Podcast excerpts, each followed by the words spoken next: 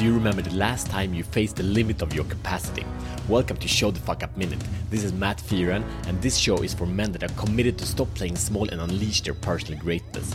With daily challenges, we grow together in the most important areas of life mission, family, health, and finance. So the problem is that we as men do not regularly test our 100%. We do not know what we're made of. We cannot do anything else than playing small and doubt ourselves, and we don't know that 100%. We and the people that love us only get to experience a fraction of our potential. And what if what you believe is your 100% is actually your 60%? A man that does not work out until exhaustion does not know himself is a quote from a Navy SEALs officer. So here's the solution. I know you're looking for the stop button right now and would like to escape this. but I also know there's a part of you that longs to be tested, to be challenged, to be seen in its full glory and its full strength. So push yourself beyond your limit regularly.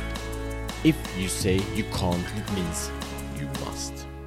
And every day you push the limit of what you believe is possible, then whatever comes at you after that will feel easier. Because when you grow, your problems become smaller.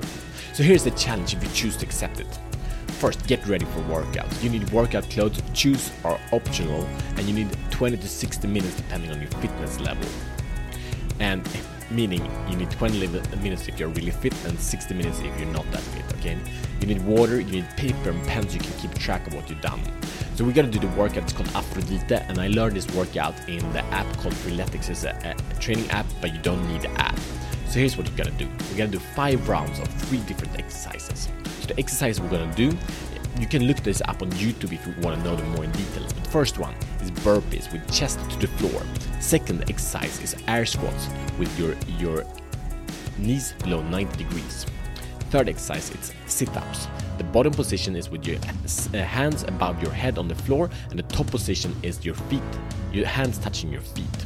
So these are the three exercises, and we're gonna do them in five rounds each. So first round you do 50 of each, meaning you start with 50 burpees, then you do 50 air squats, and you do 50 sit-ups. After that you do 40 burpees, you do 40 air squats, you do 40 sit-ups and then you go 30 of each, you do 20 of each, and you do 10 of each. So in the end, you'll have completed 150 reps of each. And this will test the limit of your potential. You will doubt, you will want to escape, you will want to quit, you will find reasons why you should stop. You will find reason why this is the most stupid thing you've ever done, but you will continue. So now commit and then take action. So we as men we are better in tribes we're better together together we can accomplish so much more. So friday 10th of april we are launching our community. This community only for men that are ready to unleash their inner greatness to support each other to hold each other accountable to the inner potential. So this show show the fuck up minute is a new show. So please subscribe and review and share this with the man that you think is ready to show the fuck up and unleash his inner greatness. See you tomorrow as better men.